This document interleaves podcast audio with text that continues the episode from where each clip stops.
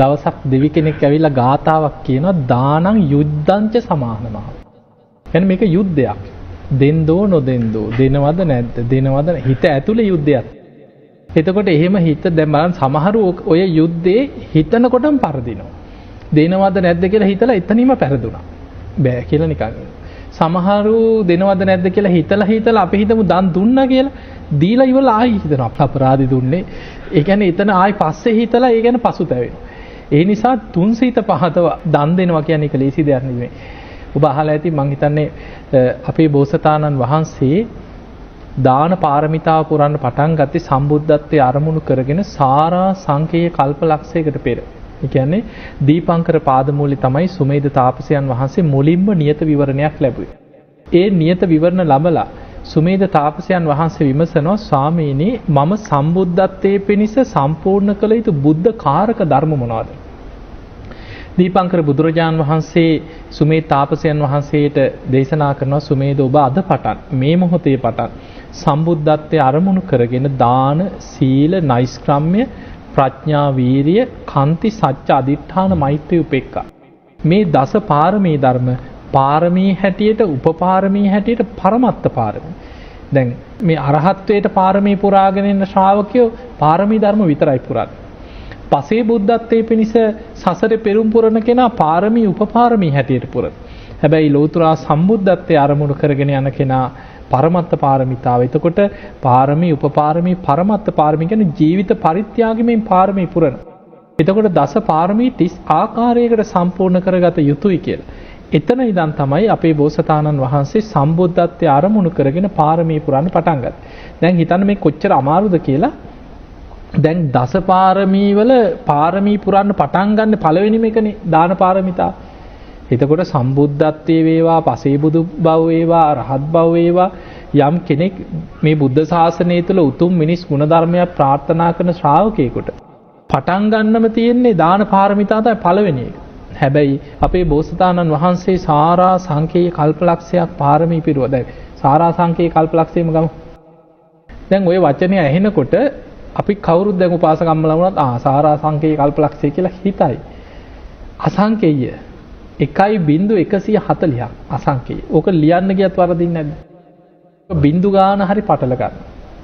මහා කල්ප වලින් අසංකේය හතරකුත් තවත් කල්ප ලක්ෂයක්. අර 1.140 අසංකේය හතරකුත් තවත් කල්ප ලක්ෂයක්. ඔය දීර්ඝ කාලේ දාන පාරමිතාව පුරපු ආකාරයේ බුදුරජාණන් වහන්සේ දේශනා කරනවා අර විවරණ ගත්ත තැන ඉඳන් බුදු වෙන තැන දක්වා ලෞතුරා සම්බුද්ධත්වයේ ලැබේවා කියන ප්‍රාර්ථනෙන් අහසේ තරු කැටවලට වඩා ඇස් දන් දීපු වාර අනන්තයි. මේ සතර මහා සාගරයේ ජලය යම්සේද ඊට වඩා ලෞතුරා සම්බුද්ධත්වයේ ලැබේවා ලැබේවා කියන ප්‍රාර්ථනෙන් ලේ දන් දීලා තියෙන වාර අනන්තයි කියන. අපි නිකම් පේනෝනේ අපි මහා සාගරය ගත්තහම මේ මුළු ලෝකෙම ගත්තොත් සාමාන්‍යයෙන් හතරෙන් තුනක් විතර තියෙන ජලය රටවල් වලට වැඩි මේ භූමි ප්‍රමාණයට වඩා. එතකොට සාගර ජලයට වඩා දීර්ඝ සංසාර ගමනේ ලේ දන් දීලා තියෙනවා කියලා. ඊළඟට බුදුහාඳුර පෙන්වනවා මේ සංසාර ගමනේ මහ පොළවේ පස්වලට වැඩිය ශරීර කොටස් දන් දුන්නා කියලා. ඒ කියන්නේ මේ කාලෙත් එක්ක ගත්තාම බුදුබව ලැබේවා කියන ප්‍රාර්ථනේ. එතකොට මේ තරම් පාරමී පුරාගෙන ඇවිල්ලා ඇවිල්ලා ඇවිල්ලා අන්තිමටම දසපාරමී ධර්ම අතර සම්පූර්ණ කරන්න බැරුව අන්තිමටම ඉතුරු වුණේ දාන පාරමිතාව. එතකොට හිතන්න ඉච්චර සසරේ පාරමී පුරලා සීල නෛෂ්ක්‍රම්‍ය ප්‍රඥා ඔය ඔක්කොම පිරුණා. බෝසතාණන් වහන්සේ පාරමී සම්පූර්ණයි කියන අදහසින් තුසිත දෙව්ලොව ඉපදිලා. දැන් උන්වහන්සේ පාරමී පුරාගෙන ඇවිල්ලා තුසිත දෙව්ලොව ඉපදුනා. කාශ්‍යප බුද්ධ ශාසනයෙන් පස්සේ දැන් මේ ගෞතම බුද්ධ ශාසනය බුදු වෙන්න පෙර. ශක්‍ර දෙවියන් බැලුවා බෝසතාණන් වහන්සේගේ පාරමී සම්පූර්ණයිද. අනිත් ඔක්කොම සම්පූර්ණයි දාන පාරමිතාව සම්පූර්ණය. ඒ වෙලේ සක් දෙවිඳුගේ අගමහිසිකාව හැටියට හිටියා කල්ප ලක්ෂයක් පෙරුම් පුරණ බුදුවෙන ආත්මේ මව් පදවිය ප්‍රාර්ථනා කරන මහා පින්වන්ත කෙනා. ඒ වෙනකොට සක්‍ර දෙවියන්ගේ අගමහිසිකා වෙලා දෙව්ලොව පහළ වෙලා හිටියේ. සක්‍ර දෙවියන් විධාන කරා ඔබ ජයතුරා පුරට ගිහිල්ලා කුසතී දේවිය හැටියට ගිහින් මනුලවට යන්න. ඒ වෙලේ වර 10ක් අරගෙන තමයි සක්‍ර දෙවියන්ගෙන් වර ඉල්ලගෙන මනුලවට ආවා. ඊළඟට බැලුව තුසිත දෙව්ලොව ඉන්නවා බුදු වෙන ආත්මේ පිය පදවිය ප්‍රාර්ථනා කරලා කල්ප ලක්ෂයක් පෙරම් පුරපු කෙනා. ඒ දෙවියන්ට ආරාධනා කරා ඔබ මනුලවට යන සංජේතේන රජුරුව හැටියට ඉක්මනට මනුලව ගිහින් උපදින්න.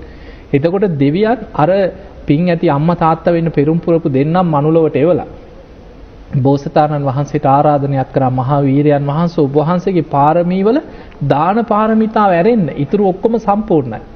දාන පාරමිතාව පුරන්න අන්න මනුලව කුසතී දේවියගේ කුස පිළිසිඳ ගන්න සේක්වා කියලා ආරාධනයක් කරන. එතකොට මේක හරි පුදුමයි මේ මේ කතාව ওই වෙස්සන්තර කතාව මම කියන්න පටන් ගත්ත හැටි. එතනින් අපේ බෝසතාණන් වහන්සේ තුසිත දෙව්ලොවින් චුත වෙලා කුසතී දේවියගේ කුස පිළිසිඳ ගන්නෙම දන් දෙන්න මාපු ආත්මය.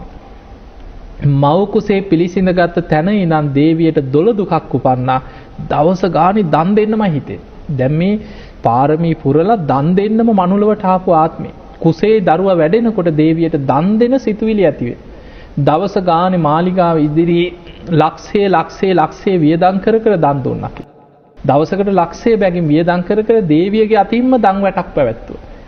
ඊට පස්සේ දරුවා බිහි වෙන්න ලකුණු පහළ වෙනකොට ආසාවක් ඇති වුණා නගරේ වෙළඳ නගරේ වීදි සංචාරය කරන්න. රජ්ජුරුවට දැන් දුන්නට පස්සේ මංගල සම්මත අමාත්‍යවරු ලවා දෝලාවක පෙරහැරකින් නගරේ පිටත් කළ ඇරිය. ඔහොම යනකොට වෙළඳ නගරේදී තමයි දරුවා බිහි වෙන්න ලකුණු පහළ වුණා. නගරේදීම ඉක්මනට වටතිර ඇදලා දරුවා බිහි වුණා කියලා සඳහන් වෙන්නේ අපේ බෝසතාණන් වහන්සේ ඉපදිච්ච ගමන් කතා කරපු ආත්ම තුනයි තියෙන්නේ.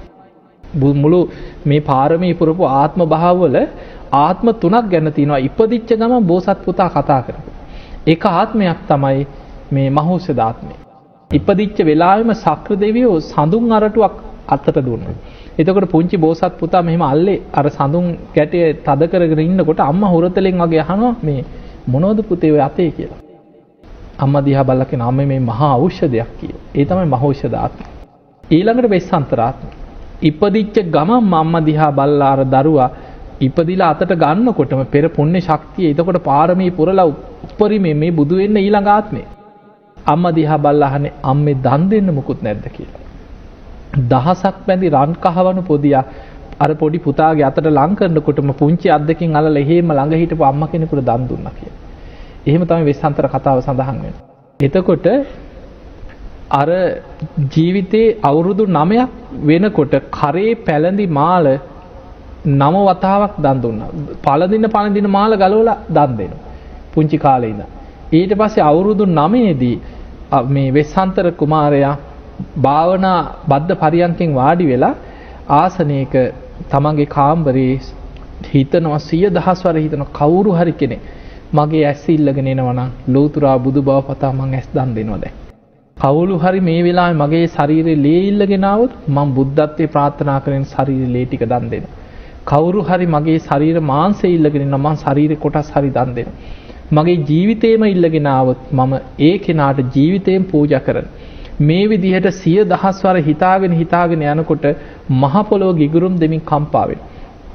පුංචි කාලේ ඉඳන් බොයි වෙස්සන්තර කතාවේ සඳහන් වෙන්නේ අමුදරුව දන් දුන්නා දේවිය දන් දුන්න රාජ්‍ය අතහැරියා ඔය සියල්ල මුළු වෙස්සන්තර කතාව අහගෙන යනකොට ඇඟත් හිරි වැටෙනවා. මෙහෙමත් දන් දෙන්න පුළුවන් දෝ කියලා හිතෙනවා. හත්තු ආරයක් මහ පොළොව කම්පා වෙන වෙස්සන්තර ආත්මේ දන් දෙනකොට අපේ බෝසතාණන් වහන්සේ ඒ විදිහට දන් දීලා දන් දීලා තමයි දාන පාරමිතාව පුරාගත්තේ බුදු වෙන්නේ.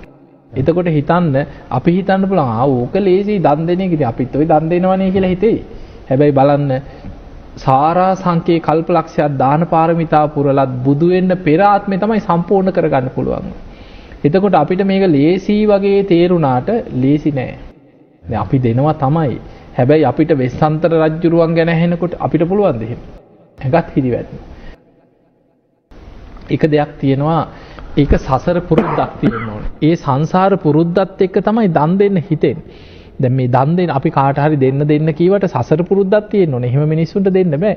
ඒ සංසාර පුරුද්ද තියෙන කෙනා එයා දුප්පතෙක් වෙන්න පුළුවන් පොහොසතෙක් වෙන්න පුළුවන්. තමාට පෙර අකුසලයකට අද දිලින්දෙක් වෙන්න පුළුවන්. හැබැයි සසර පුරුද්ද තියෙන කෙනා සමහර අය ඉන්නවා නොකා නොබී තමන්ගේ බත්පත දන් දෙන මිනිස්සු නැද්ද? සමහරු පින්කම් කරන්නේ සල්ලි තිබිලා නෙමෙයි. මොනවා හරි සමහරු කන කර ආභරණ උගස් තියලා හරි දාන ටික හදාගෙන ඒක සංසාර පුරුද්ද.